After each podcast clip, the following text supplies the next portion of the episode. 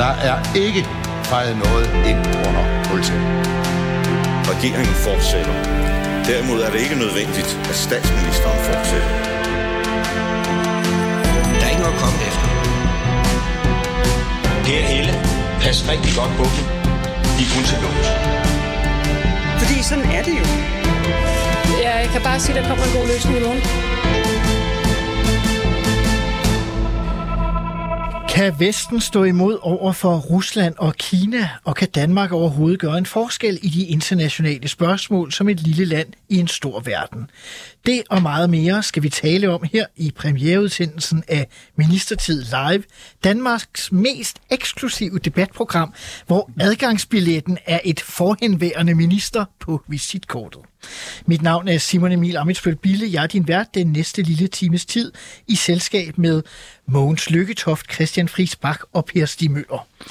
Mogens Lykketoft er forhenværende udenrigsminister, og derudover forhenværende formand for S, forhenværende finansminister, skatteminister, forhenværende formand for Folketinget og tidligere formand for FN's generalforsamling, om nogen kvalificeret til at være her.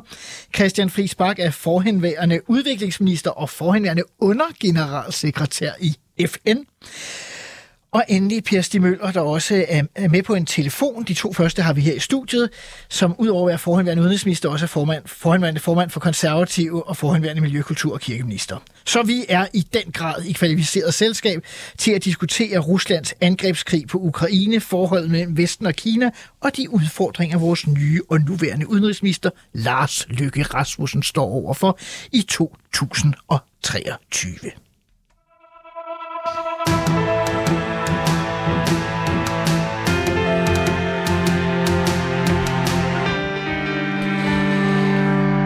mere end 10 måneder har ukrainerne modstået de russiske angribere, men sandheden er, at der ikke er sket det store i territorial forstand de seneste måneder, selvom vi live kan følge med, når landsbyer befries og missiler falder. Der er ingen tvivl om, at den ukrainske modstand og den vestlige opbakning har overrasket russerne. Men kan man overhovedet forestille sig en ukrainsk sejr? Hvilken vej er der egentlig ud af konflikten? Vi har Per Stig Møller med, på en telefon. Er du med os, Per Stig Møller? Ja, jeg er med. Jeg lytter. Jeg hører på dig. Hvad siger du? Ja, om, til, øh, om der er mulighed for at få en fred for øh, forløbig. Altså, Ukraine giver sig jo ikke før i hvert fald, at de erobringer, der er foretaget i Donetsk og Luhansk, øh, Kherson-området, er, er, er opgivet. Øh, tilbage står så spørgsmålet, om Rusland kan få lov at holde Krim. Og øh, der bliver det jo meget alvorligt, hvis Ukraine også begynder at gå ind i Krim. Men, øh, men det har jo, har jo lange udsigter.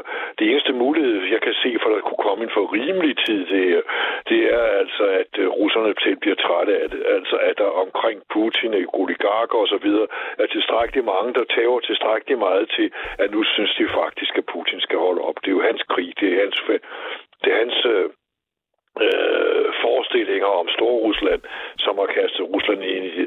Ja, Kirill, som vi nu hører om i det her døgn, han har også de store russiske drømme, og der kæmper altså så patriarken. Kirill sammen. Og der har stadigvæk kirkens opbakning, og der ved også det dybe Ruslands opbakning til krigen.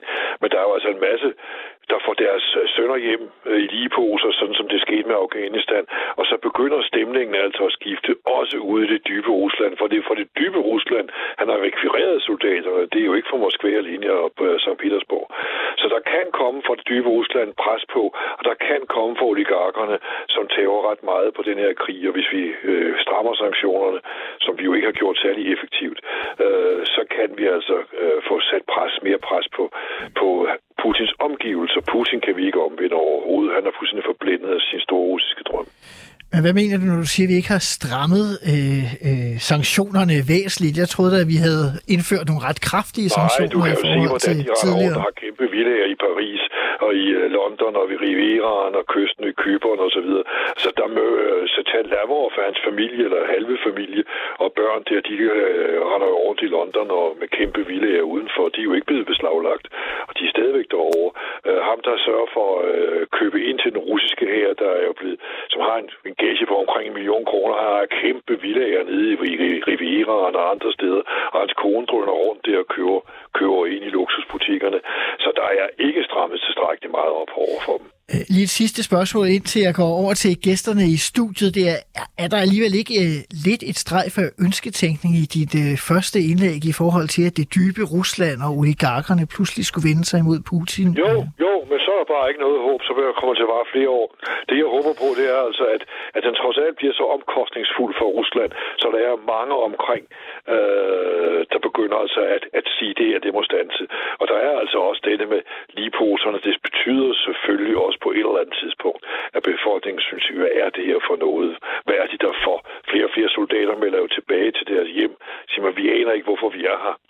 Og der er det altså tit det demoraliserende her, og så også opbakningen til den. Men det er ønsketænkning, Simon Emil. Men det er jo ikke andet ønsketænkning, hvis vi skal forestille os, hvordan man kan komme ud af det. Øh, for Putin vil jo ikke ud af det, hvis han får sin vilje, før han har fået knækket Ukraine. Formentlig når frem til, til Djepper og beholder hele Øst-Ukraine med helst for smadret Ukraine og helst for smadret Kiev. Øh, og han bruger jo den der gamle russiske metode, store øh, metode, metode, smadrer, smadrer, smadrer at, ligesom det gjorde i Tjetjenien. Det fik han helt med dernede, og det er det samme metode, han bruger her. Så, så man er jo nødt til at få ham stoppet, inden for han får smadret alt, men han vil smadre alt, hvis han får lov. Mogens Lykketoft, du har jo om nogen også blandet dig i, i diskussionen omkring, hvad kan man gøre øh, i forhold til freden. Du skrev et indlæg i Berlingske Tidene før øh, nytår, og jeg læser lige et enkelt citat op derfra. Der skriver du, Vesten må også i samtale med Ukraines præsident om, at der kan blive et smerteligt valg mellem beherskede, men moralsk uacceptable indrømmelser til angriberen, eller en mangeårig lavintensiv krig, der bliver utålig at gennemleve for folket og umuliggør landets genopbygning.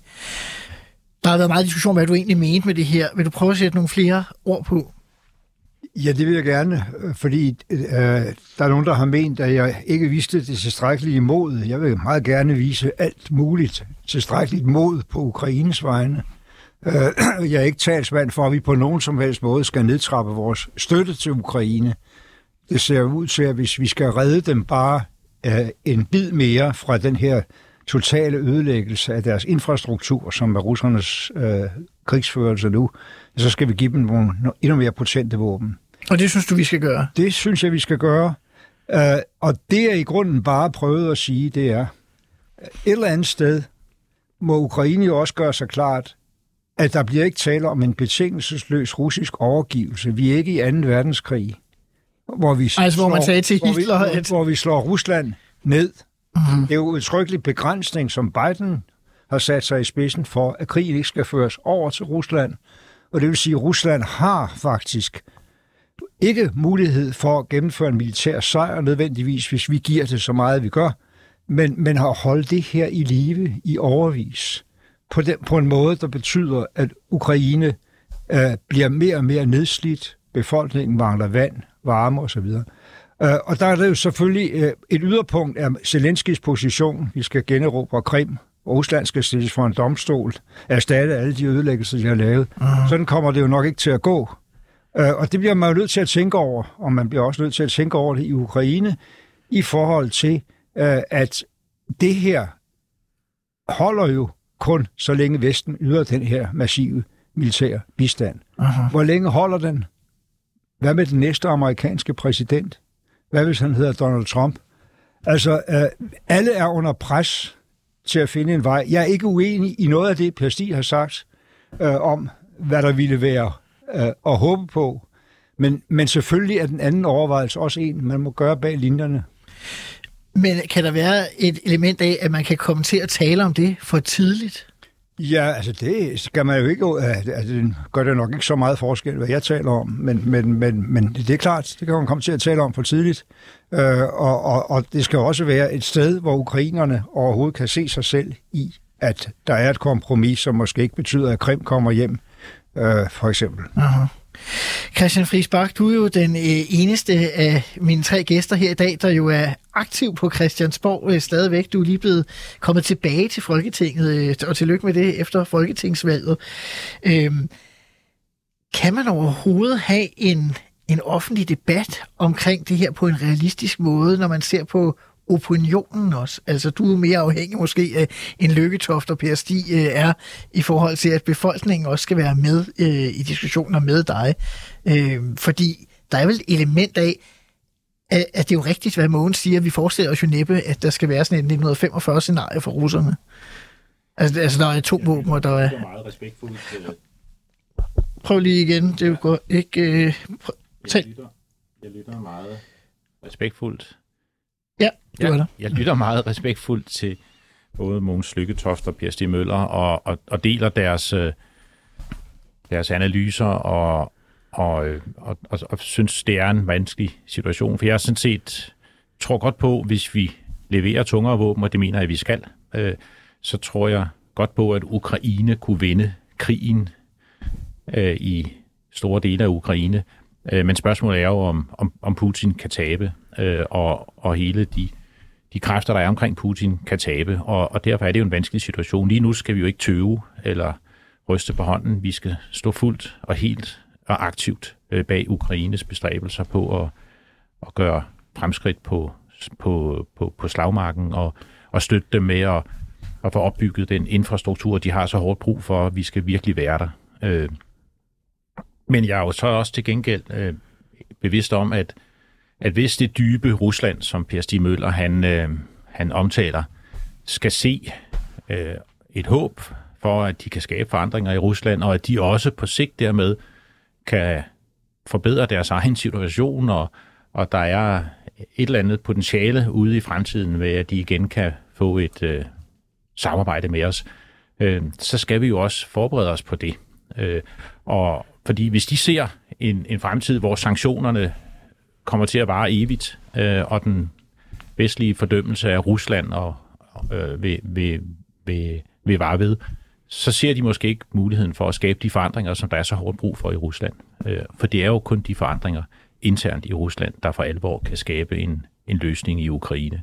Øh, så det er en vanskelig balance øh, at sige, at der kan være et, et, et, et potentiale fremadrettet, hvor vi med en forhandlet løsning kunne igen styrke samarbejdet med Rusland, men, men, øh, men omvendt er der jo også brug for, at de kræfter, der er i Rusland, og som kunne udgøre en opposition, de fornemmer, at der er noget for dem at kæmpe for. Øhm, og og det, det mener jeg er vigtigt. Jeg var jo rådgiver for en af de aller, aller største russiske virksomheder øh, før øh, invasionen i Ukraine, og oplevede jo der, øh, og jeg lavede meget nøje due diligence på den her virksomhed, for jeg ville være sikker på, at det var en god og en progressiv virksomhed. Den var på børserne i Sverige og i New York, og, og, og, og så, så det var en god virksomhed. Og der oplevede jeg jo altså en russisk virksomhed, som ville noget andet, som ville en anden fremtid, som også ville gå ind og arbejde for klima, øh, som, som havde et stærkt socialt behov, endda turde tale om LGBT-rettigheder og demokrati og åbenhed.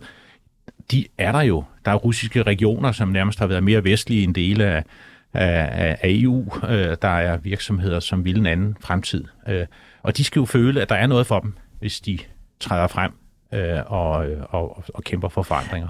Men er det håb ikke på mange måder slukket i den forandring, der har været af hele det russiske samfund? Altså hvis man øh, øh, læser om det, så kan man jo se, hvordan at det er som om det russiske samfund jo lukker sig om sig selv på en helt anden måde, end man måske havde forestillet sig på den korte bane. Helt sikkert. Og jeg tror ikke, de ser meget håb øh, lige nu.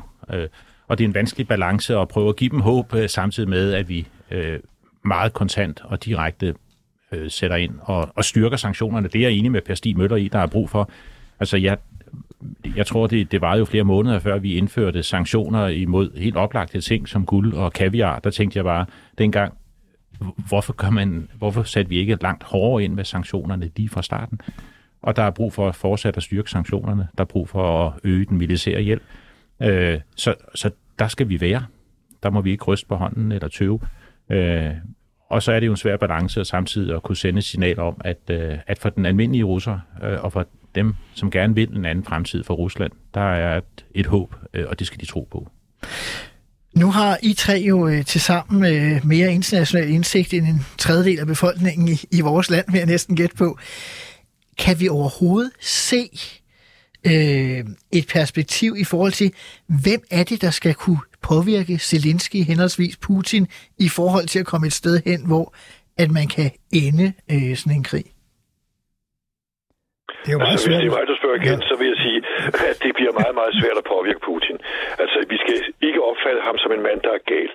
Der er en rationale bag ved det, og det er det, det russiske drøm om Storrusland. Altså, Solzhenitsyn havde det også. Han er en mand, vi holder meget af. Men han udtrykker jo også, at Ukraine må ikke forsvinde, skriver han i sit rendring i 98. Han forudsiger også, at der kommer en krig. Man vil ikke selv medvirke til den. Han håber på, at den kan undgås, og han siger, at min søn skal heller ikke medvirke til den. Men det er altså i 98 han skriver det. Og kirken har det også. Og hver gang, altså hvis vi ser Ruslands historie, så hver gang Rusland tager et territorium, de har erobret og tager, så får de det tilbage, tager de det tilbage, hvis først kommende lejlighed. Så har det været lige siden Tsar Peter. Og det er jo også formuleret af, var det Sar Nikolaj den første, som sagde, der hvor det russiske faner er flaget øh, været hejst, kan det aldrig tages ned. Og hvis det tages ned, så skal det igen Europa så sættes på plads igen.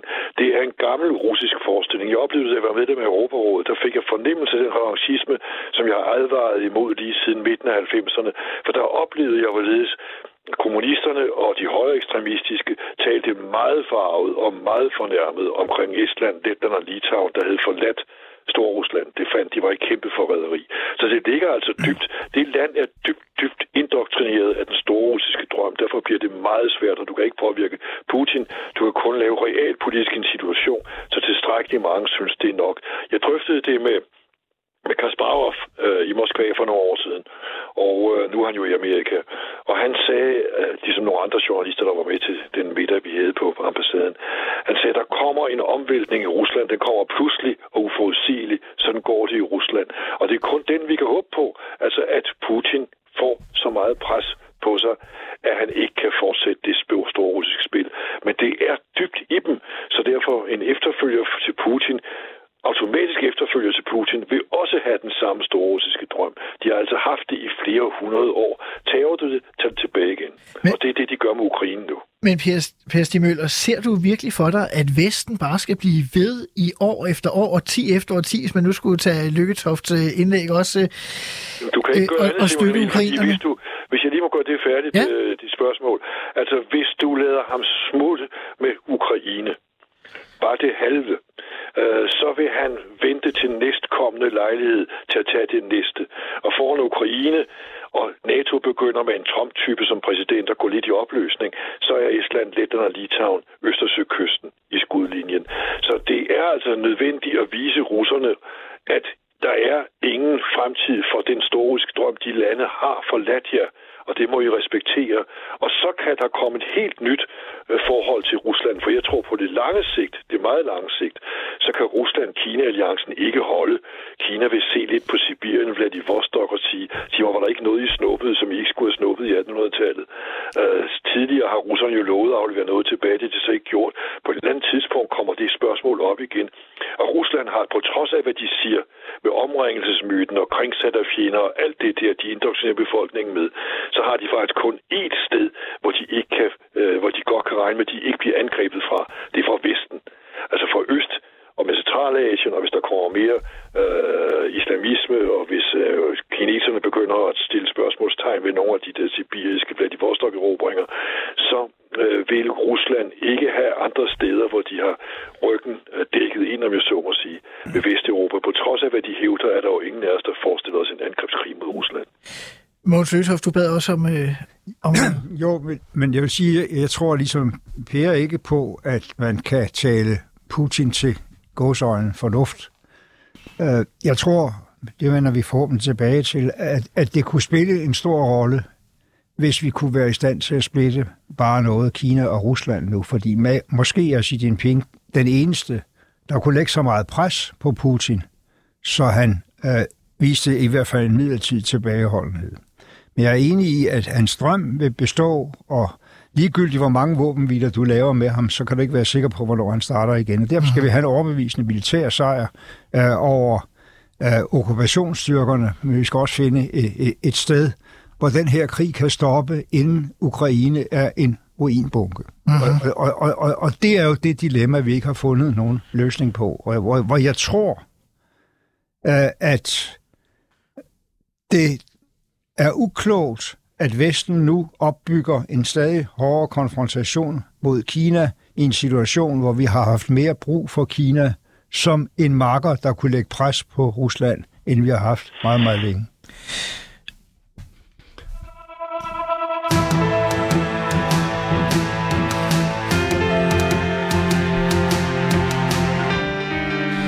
Jeg tænker egentlig, at øh, Lykketofts øh, ord om forholdet mellem Rusland, Kina og Vesten øh, var en god overgang til, at vi kunne gå videre til anden runde af udsendelsen. Øh, fordi der er jo mange spændinger i luften i virkeligheden. Øh, hvor meget vil Kina egentlig stå bag øh, Putin eller alliere sig med Putin? Det skifter lidt, når man øh, følger med, hvor, hvor intensivt de gør det. Øh, hele Taiwan-spørgsmålet er begyndt at komme op igen, øh, vel også efter Nancy Pelosi's øh, besøg tilbage i 2022. Kan man lave en parallel til det, der sker på Taiwan i forhold til det, der sker i Ukraine? Kan man gøre det i skyggen øh, af det? Kan man undgå en konfrontation om Taiwan på et tidspunkt i virkeligheden? Øh, nu er vores egen tidligere statsminister, Anders Fogh Rasmussen, NATO-generalsekretær, pludselig også dukket op på Taiwan og siger, at man jo ikke kan være neutral i den moralske kamp mellem øh, demokrati og, og diktatur. Men kan vi overhovedet tillade os den luksus, hvis vi får brug for kineserne, øh, der hvor vi øh, står nu med russerne? Mogens Lykketoft, du er lige ved at, at sige noget om det. Jeg er ved at tage hul på det. Jamen altså, jeg tror for det første, at man skal passe på ikke at lave øh, øh, irrelevante sammenligninger mellem det, der sker i Ukraine og så Taiwan. Øh, og det er jo det, Anders Fogh er i fuld gang med at gøre.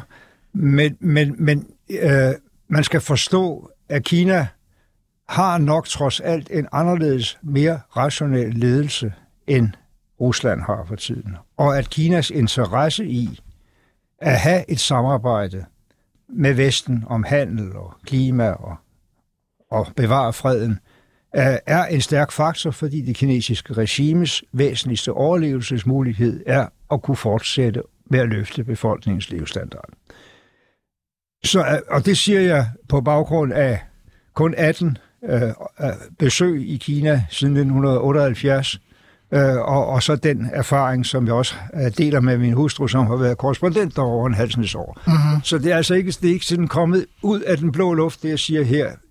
Det er ikke noget forsvar for, hvad kineserne i øvrigt gør i Xinjiang, i Tibet, i Hongkong osv. Det er et forsøg på at analysere, hvad er rationaliteten i den kinesiske politik. Og rationaliteten i den kinesiske politik omkring Taiwan, det er i virkeligheden punkt 1. Lad være med at rokke båden. Lad være med at begynde at anerkende Taiwan som et selvstændigt land. Vi har jo det paradoks, at vi er 180 lande i verden, der har diplomatiske forbindelser med Kina og har anerkendt et-Kina-politikken. Taiwan er principielt en del af Kina, men vi har også haft den øh, forståelse i mange årtier, at øh, det skulle måske nok genforenes. Det har vi sådan set anerkendt i relevansen af, men det skulle ikke ske med vold. Taiwan har fået lov til at eksistere som en reelt selvstændig enhed. Og det er, øh, hvis man bare har den mindste indsigt i diplomati, faktisk temmelig vigtigt ikke at rokke den slags balancer. Det var det, Nancy Pelosi gjorde. Uh-huh. Imod præsident Bidens råd. Øh, og, og jeg har sådan set lidt en mistanke om, det er også det, Anders Fogh prøver at gøre. Den største garanti for Taiwans fortsatte eksistens som et rigt, velfungerende demokratisk enhed i den kinesiske kulturkreds, og øvrigt den eneste demokratiske enhed, det er, at vi andre ikke rykker båden.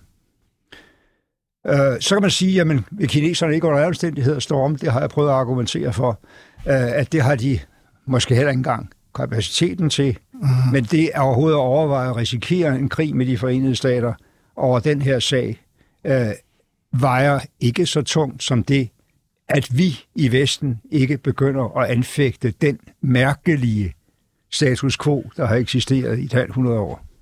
Er du enig i det, Christian Friisberg, at vi har brug for Kina, og vi egentlig også godt kan få en relation til Kina, der gør, at vi kan måske øh, løse situationen med Rusland bedre, end hvis vi øh, rokker båden med lykketårsord i forhold til Taiwan? Jamen, jeg vil først sige, nu bliver der talt meget om den her kinesisk-russiske alliance, og, og Putin har, så vidt jeg forstår, lige annonceret, at Xi Jinping vil komme på besøg her i 2023. Aha. Der er ikke en præcis dato, som jeg forstår det, øh, men, men øh, så, så vi har talt om den alliance, men den er jo ikke så stærk, øh, som vi nogle gange gør den til, så den har ikke udmyndtet sig i, altså i, i, i store aftaler om teknologi, øh, udveksling, øh, som Putin har hårdt brug for, eller våbenleverancer, eller øh, andre former for meget synligt samarbejde.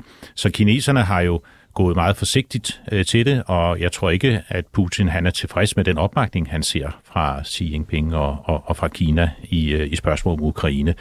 Øh, tværtimod. Øh, og, og i virkeligheden er hans forsøg nu på at bygge en stemning op til et besøg et, øh, for mig et, et tegn på, at, at han føler sig lidt svækket i forholdet til Kina og har brug for ligesom at forannoncere et besøg som et tegn på, at han stadigvæk har en stærk alliancepartner. Så, så det ser jeg faktisk det nærmere som et, et, en, en svækkelse end, end som en, en styrkelse af det kinesisk-russiske samarbejde. Øh, og så kan jeg være enig med Mogens Lykketoft i, at, øh, at man skal meget forsigtigt selvfølgelig øh, gå til øh, spørgsmål om Taiwan og kritikken af corona og andet i en tid, hvor man øh, hvor, hvor, hvor vi har øh, brug for kineserne. Men omvendt så er jeg også enig i, at øh, kineserne øh, kan, altså, kan godt tåle en, en mere robust øh, dialog. Øh, al den stund, at der er jo et meget dybt afhængighedsforhold mellem Kina og, og Vesten og Kina. Altså den gensidige økonomiske meget, Og meget, meget mere ja. udtalt selvfølgelig, end det der var mellem USA og Rusland. Mm-hmm. Og det kan man sige i historiens øh, klare lys, øh, er måske noget af det, vi kunne have gjort meget mere efter omvæltningerne i 90'erne, øh, kunne vi måske langt stærkere, og især fra amerikansk side, have prøvet at opbygge en økonomisk afhængighed øh, mellem Rusland og, og Vesten, og især Rusland og USA, som, som jo ikke var det, det økonomiske samarbejde, der var der, var jo øh, meget begrænset og skrøbeligt. Så, så og der er Kina, Kina i en helt anden situation, og det er den kinesiske befolkningshåb om en, en, en mere lys økonomisk fremtid, som, uh, som, som holder det i ro. Øh, jeg bliver nødt til lige at høre, om det var et suk, jeg hørte fra, fra Allerød, Per Stimøller. Jamen altså, jeg er meget enig med Mogens faktisk. Altså, jeg har behandlet det meget indgående i den der bog, jeg lige udsendte her før jul, afgørende øjeblikke. Der har jeg jo små 100 sider omkring Nixon og Kissingers Kina-politik. Og der har jeg en samtale, der er en, citerer jeg en samtale med, med formand Mao om Taiwan, hvor Mao siger, vi skal have Taiwan, men det gør ikke noget, det tager 100 år. Fordi der var en, en situation, hvor man lovede bygget en afspænding med Kina op for at få brudt alliancen mellem Kina og Rusland. Altså det var mesterstykket Nixon. Ja, så Sovjet. Ja. De, de leverede faktisk et mesterstykke ved at få sprængt den, den kommunistiske alliance. Mm-hmm. Og sørgede for, at kineserne snakkede mere, som Kissinger udtrykte, snakkede mere med amerikanerne end med russerne eller med Sovjetunionen. Og det er den, der er gået i stykker under Trump og, og, og, og Biden, fordi der har man så eskaleret i stedet for at se, at vi er jo nødt til at undgå, at Rusland og Kina bliver splejset sammen.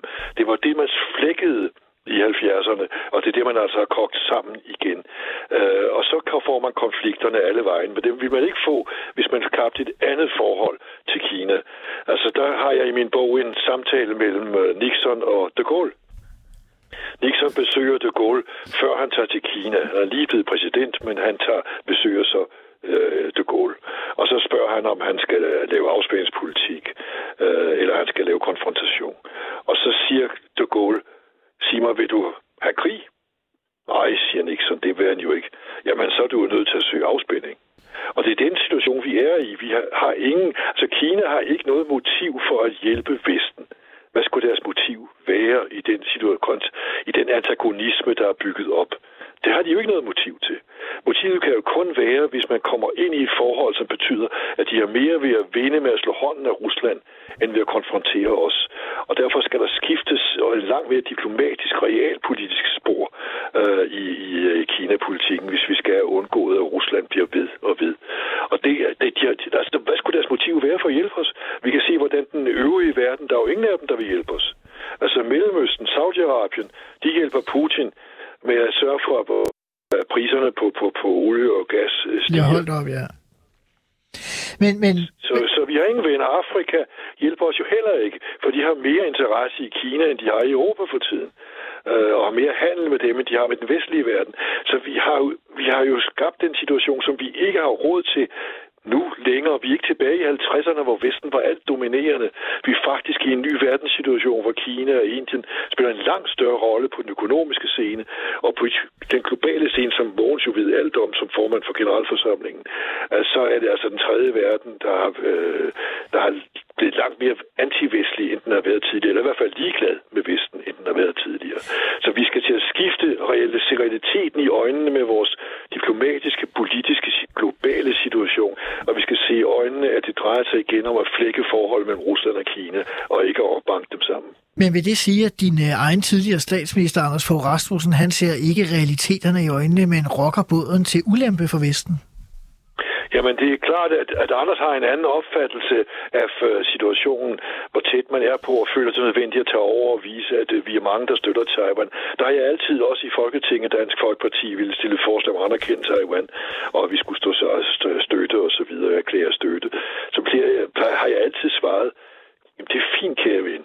Det er fint, kære ven. Jeg er også enig i, at Taiwan ikke skal erobres. Men når vi erklærer vores støtte, kommer vi så derud, hvis vi får provokeret Kina til at angribe dem? Kommer vi så ud? Hvad står der så af danske soldater derude? Altså det med at line op og sige, vi støtter, vi støtter, vi støtter. Jamen, vi skal jo ikke opmuntre til en konfrontation, hvor vi derefter ikke kommer. Og det gør vi jo ikke. Øh, så derfor skal man tænke meget over den realpolitiske. Jeg tror, at hovedspillet ligger i en anden attitude og et andet samarbejde med Kina, hvis vi kan få det. Øh, men, men, og der var det jo så, som jeg viser i afgørende øjeblikke, der var det så, der var gennembrud, som vi har lukket til.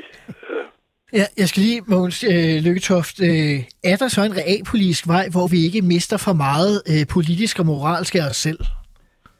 Altså, Per Stig og jeg er 100% enige i analysen af, hvad Kina er for en størrelse, og, og hvor vigtigt det er at få neddæmpet vestens konfrontation, startende med Trumps mange handelskrige, men også den grad af hysteri, der nu er om, at der er en uundgåelig optrapning af risikoen for militær konflikt. Men det er sådan en første verdenskrigs-stemning på, altså ikke ja, generelt, men ja, nogle steder. den har man så fået understøttet ved at lave den, efter min mening, falske analogi mellem Taiwan-problemet og Ukraine-krigen nu. Uh, vi skal væk fra det. Og det bygger jo så også, som Per ganske rigtigt siger, øh, når jeg siger det, på mine erfaringer fra 2015, som var forholdsvis... Op- da du var formand for FN's generalforsamling. I, i, i verden. Øh, forholdsvis opmuntrende år, øh, fordi vi fik verdensmålene, vi fik klimaaftalen i Paris. Det befæstede min mere overordnede forestilling om, at hvis vi vil bevare verdensfred undgå verdenskrig i hvert fald, hvis vi vil sikre en økonomisk udvikling og vi vil løse et klimaproblem, så er den første nødvendige forudsætning, at både Kina og USA indser sammen med Europa, at vi har flere fælles interesser, end vi har interessemodsætninger. Det var det, der lykkedes i 2015. Vi fik kun den mest ambitiøse klimaaftale hidtil, fordi USA og Kina direkte arbejdede sammen om det med Obama som præsident i USA. Øh, og, og, og den erfaring, der er kun to supermagter i overskuelig fremtid, USA og Kina. Og den egentlige risiko for den tredje verdenskrig ligger i, hvis vi fortsætter en vej øh, mod større og større modsætninger mellem de to.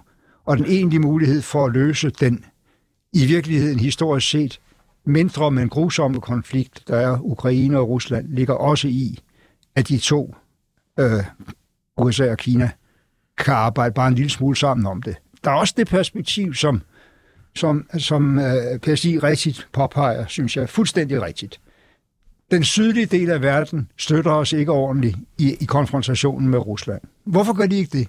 Ja, der er Kina, det har vi analyseret. Der er Indien, der er Indonesien, der er Sydafrika, der er Brasilien, øh, alle i virkeligheden de toneangivende lande i, i det, man kalder den tredje verden, de sidder op på gader og siger, nå ja, der har været så mange konflikter i den her verden. Der var en Vietnamkrig, der var en Irakkrig. Vesten gjorde mange fejltagelser, Vesten gjorde mange brud på folkeretten. Men det, der interesserer os, det er i virkeligheden ikke så meget, at der er en krig øh, i Europa, også nu. Men det er, at vi bliver ramt af alt det, de gør. Øh, sult, masse øh, øh, migration og så videre udløses af det her.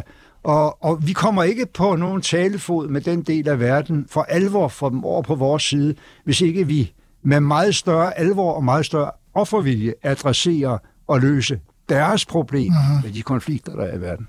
Og Christian Friisbach, det er du om nogen øh, øh, manden, der ved noget om. Og det er om nogen enig i.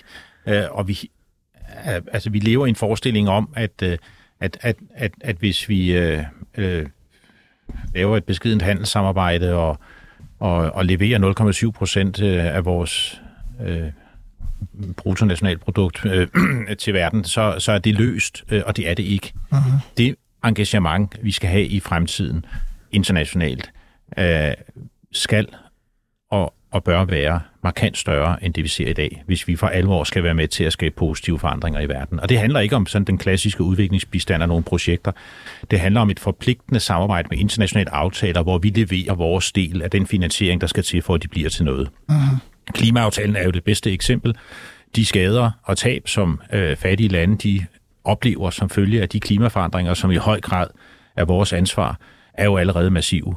Øh, og den regning øh, skal betales. Jeg var glad for at se, at Danmark gik foran og annoncerede det første bidrag. Det var et positivt tegn, men vi tog det så fra den, de penge, vi i forvejen havde sat af, og vi har så givet det primært til danske øh, organisationer, og det mener jeg måske ikke helt bliver set øh, på samme måde fra verdens fattige lande som et, et markant øh, bidrag. Men der vil vi gerne arbejde sammen med den øh, nye regering om at, at se på, hvordan kan vi sende et endnu stærkere signal der. Øh, internationale aftaler bliver kun indgået, hvis der er de rigtige balancer, og der er vores finansielle bidrag og handelsindrømmelser og investeringer og, og intellektuelle rettigheder, alt hvad vi kan komme ind i de aftaler, øh, øh, det er afgørende for, at vi får styrket det internationale samarbejde, og og, og det har vi kun set øh, flien af, og det skal vi forberede os på, øh, at der skal meget mere med til. Men har vi ikke nogen udfordringer, nu kommer vi måske lidt ud af et tidsspor, men har vi ikke nogen udfordringer, der minder lidt om det, som øh, vi også lige har talt om i forhold til Kina, at vi kommer med alle vores øh, moralske kvababelser og ønsker til, hvordan de hurtigt skal ændre deres samfund og slå ned på på hvad som helst, er lige ved at sige, mens at kineserne eller russerne eller andre, de måske bare kommer med handel og penge og våben øh, og støtte til de styre, der nu måtte, måtte være der, øh, uden at blande sig for meget i detaljerne. Altså, hvis vi ikke skal have de alle sammen sidder på hegnet, som Mogens Lykketoft lige sagde, så, skal, så er vi jo nødt til at, at få nogle allierede. Jo, man, man er nødt til at forstå med Kina, der, det har været sådan altid, Aha. at man kan ikke banke dem til at lave deres samfund anderledes. Man er nødt til at appellere til deres egen interesse. Det var også det, Per var inde på i sine bemærkninger før. I deres egen interesse. I at få noget ud af et samarbejde med os. Kina er simpelthen for stort til, at man med moralsk pegefinger kan få dem til at opføre sig ordentligt. Uh-huh. Men det her var mere i forhold til, ja. til resten af verden, når vi skulle have den sydlige halvkugle med, som du talte om. Jo, og, og der skal vi jo have en tålmodighed som ikke er vores stærke side øh, øh, i, i, i Vesten, øh, fordi vi kræver typisk øh, demokratiske forandringer over nat, og at øh, menneskerettighederne bliver overholdt øh, efter få uger. Øh, og der skal vi have den sådan lidt den kinesiske tålmodighed øh, med os, når vi samarbejder internationalt. Og derfor var jeg også lidt ked af den debat, vi havde om Katar, bare for at tage et eksempel, fordi Katar ser jeg jo som et... I forbindelse med fodbold-VM. I forbindelse ja. med fodbold-VM. Der var bestemt nok at kritisere, men Katar ligger efter min opfattelse lidt længere fremme end andre øh, lande i den tilsvarende region. Øh, og, og så må man sige, at nogle gange må man jo prøve at gå ind i en konstruktiv dialog og prøve at flytte dem, der bevæger sig lidt længere frem, endnu længere frem. Øh, og det kommer til at tage tid. Det danske demokrati 250 år, og vi havde påskekrisen, og hvad ved jeg undervejs. Og, og vi må have vi må have en tålmodighed. Vi skal stå fast på vores værdier og principper øh, og menneskerettighederne. Men vi skal erkende to ting. For det første, at det kommer til at tage lang tid, og for det andet, at vores bidrag skal være substantielt større, øh, og også på landenes egne præmisser, end, end det vi ser i dag. Øh, vi har jo haft en tendens til at tage rundt og lave og ændre verden, måske gennem øh, øh projekter og egne idéer, og vi skal jo sørge for, at de stater, der er rundt omkring, i langt højere grad kan levere positive fremskridt. For eksempel, jeg er meget optaget nu med sociale velfærdsydelser til deres egen befolkning, øh, og, og investere langt mere i, at man også kan få folkepension i, i, i Uganda og børnepenge i, i Burundi, og, og, og dermed styrke staternes mulighed for faktisk at adressere deres befolknings egne udfordringer. Øh, og det skal vi gøre, selvom der måske ikke er det perfekte demokrati eller eller den, øh, den, øh, den, den udstrakte øh, version af, af, af et parlamentarisk demokrati, som vi ønsker os. Øh, og der bliver vi nødt til at have øh, tålmodigheden, men belønne dem, som bevæger sig i den rigtige retning.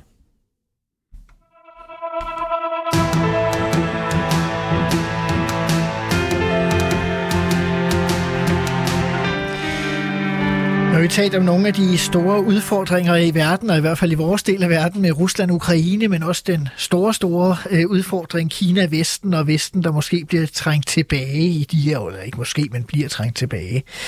Øh, Mogens Lykketoft, hvad kan en dansk regering og en dansk udenrigsminister i virkeligheden øh, gøre for at påvirke de her øh, store emner? Altså, hvad kan vores, din, en af dine afløsere, Lars Løkke Rasmussen, der sidder nu, og Mette Frederiksen for den sags skyld, gøre?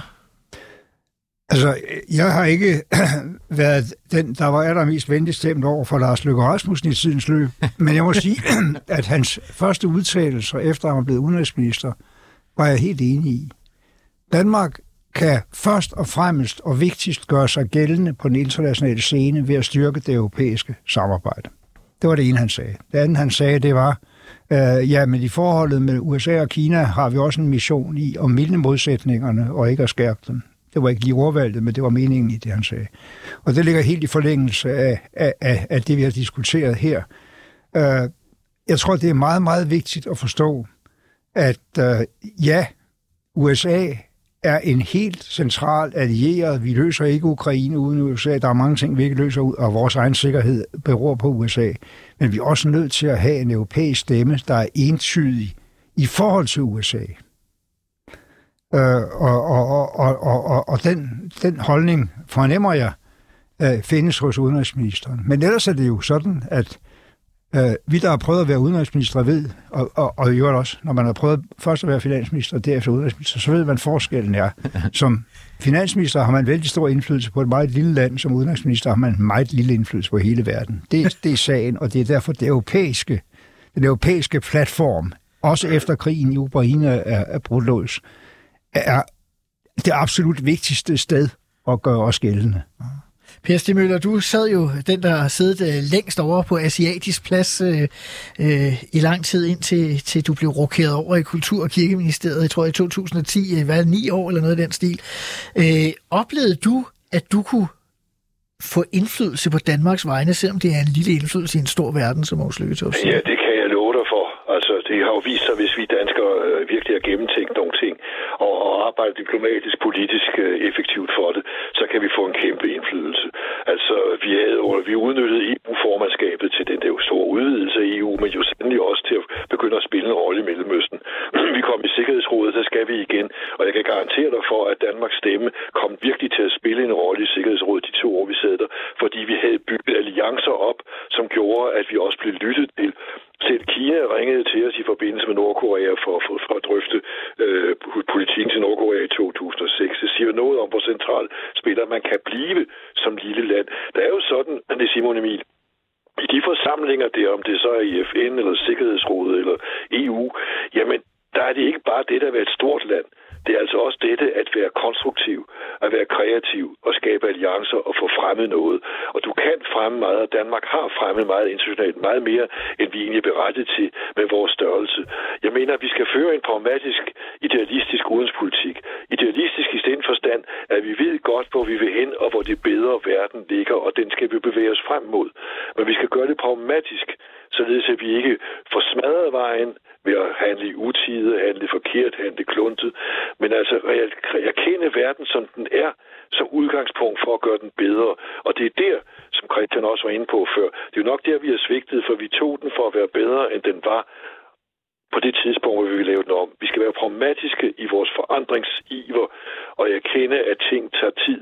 Og så skal vi altså prøve at skabe alliancer.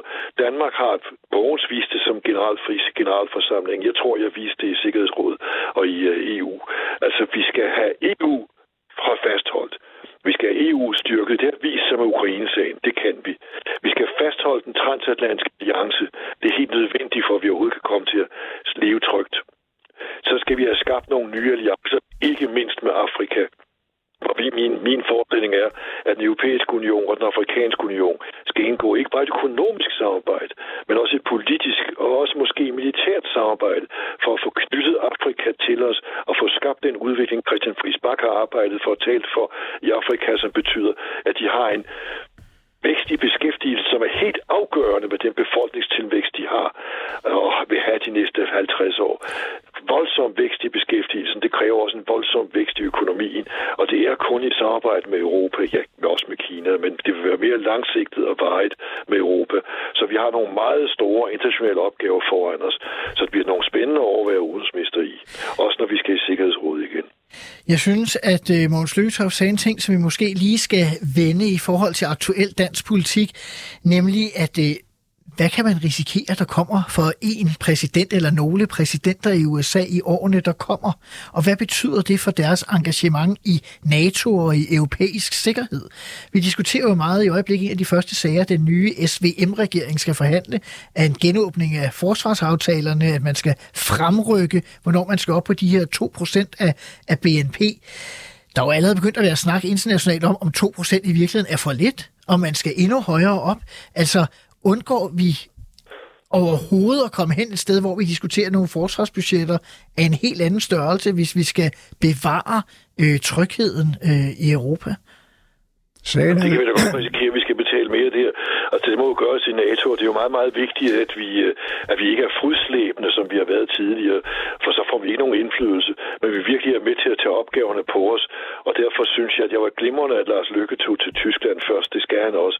Men han skal se at komme til USA, fordi øh, vi skal have et glimrende samarbejde med State Department, også hvis vi skal have indflydelse i Sikkerhedsrådet. Så det ser at komme afsted til Washington, få talt med senatorerne, få talt med, øh, med State Department. Det er næste træk for, at Danmark kan komme til at spille den indflydelse, ja. vi gerne vil. Jeg kan ikke lade være med også at spørge øh, Christian Friis Bak. Du sidder i Folketinget for Radikal Venstre, som jo ikke traditionelt er et meget øh, forsvarsudgiftsdrivende parti. Altså, øh, hvordan ser du på den problematik? Det er jo fuldstændig rigtigt. Da Radikale Venstre blev stiftet i 1905, der er der jo en berømt udtalelse om Københavns forsvarsværker, øh, om hvad skal det dog nytte. Øh, og i dag må man bare sige, at, øh, at vi ved desværre, at det nytter, og, og at det er nødvendigt at investere mere i, i forsvaret. Og vi står jo bag den fremrykning, som der er beskrevet i, i regeringsgrundlaget af udgifterne til forsvaret, og, og vi står bag den øh, nødvendige investering, der kommer til at ske. Men er det ikke pebernødder i forhold til den øh, sikkerhedssituation, Jo, men vi skal vi også tænke sikkerhed på andre måder. Det har vi jo talt om. Øh, handel, investeringer, samarbejde. Øh, der er jo mange andre måder til øh, sikkerhed på. Jeg håber jo også, at vi med de øgede forsvarsudgifter kommer til at investere mere i FN's fredsbevarende indsats og mulighed for at skabe fred rundt omkring i verden. Vi skal jo ikke se det som et ensidigt territorialforsvar. Sikkerhed er jo langt bredere, og de trusler, der møder os rundt omkring i verden af asymmetriske trusler og islamiske bevægelser og, og, og, og cybersikkerhed øh, og trusler mod vores samfundssikkerhed øh, er jo helt anderledes karakter, end de var. Så, så det, er jo, det er jo noget andet, end, end det måske har været. Vi skal investere i, vi skal i hvert fald sige sikkerheden langt mere bredt. Øh, når det gælder vores mulighed for at påvirke verden, så øh, har jeg jo oplevet, også på tætteste hold, hvordan både Per Stig Møller og Mogens Lykketoft har skabt markante, markante forandringer i deres tid som udenrigsminister, og der stod Danmark jo også måske i en øh, geopolitisk lidt stærkere situation. Verden forandrer sig, øh, øh, magten flytter ud, øh, og blokkene øh, er øh, ser anderledes ud. Der er meget altså for grund af vestens generelle svækkelse? Ja, fordi, vi bare, fordi at, at Kina og Indien, øh, Lykketoft sagde det meget fint før, øh, øh, vinder frem. Og der er jeg helt overbevist om, at vores indflydelse på verden i fremtiden i stigende grad vil komme til at gå igennem EU, og det skal vi investere langt mere i. Jeg vil gerne have en meget styrket udenrigstjeneste, men jeg ser det faktisk, at det i stigende grad skal ske igennem EU og, og sammen med EU, og det er der, vi skal investere. Jeg så gerne, der var danskere rundt omkring på EU og EU-tjenesterne i hele verden, og de fik en styrket øh, placering øh, og rolle. Så, så vi skal have en langt stærkere udenrigstjeneste, men det skal primært, øh, tror jeg, i fremtiden, der vil vores indflydelse komme til at gå igennem EU. Løsøft. Jeg tror, man skal se det med investering i forsvaret som noget med, at jo hurtigere du får det gjort i Europa, jo større chance er der for, at du kan komme op til et punkt, hvor vi kan begynde at dæmpe det igen. Nemlig at, at, at, at Rusland på en eller anden måde forandrer sig uh-huh. på det længere sigt. Øh, og vi kan lave et nyt forsøg på den pagt mellem Europa og Rusland, som faktisk var på tegnebrættet, da jeg var udenrigsminister for 20 år siden. Men der er en lang vej, og for overhovedet at komme et sted i nærheden af den vej, så er du nødt til at se den der kraftige oprustning, som sker nu, men ikke bare som en oprustning i militært isenkram, som en oprustning i det, som er skal en endnu en tættere trussel, nemlig cyberangreb af den ene eller anden art på vores infrastruktur. Øh, det skal vi værne os imod. Øh, og, og vi skal i virkeligheden også investere i informationskrigen. Putin har brugt så mange milliarder, kineserne gør det også, på at prøve at påvirke den vestlige opinion over sociale medier, troldevirksomhed og øh, øh, lån til øh, øh, fascistiske partier i Europa, Le Pen, der har lånt 100 millioner af Putin osv. Alt det der må der sættes meget mere systematisk ind imod, også i forhold til at nå befolkningen i Rusland. Altså den form for angreb, at informere dem om, hvordan verden ser ud, er måske det ekstremt vigtigste, hvis vi nogensinde skal se en anden type end Putin sidde i spidsen for det russiske samfund.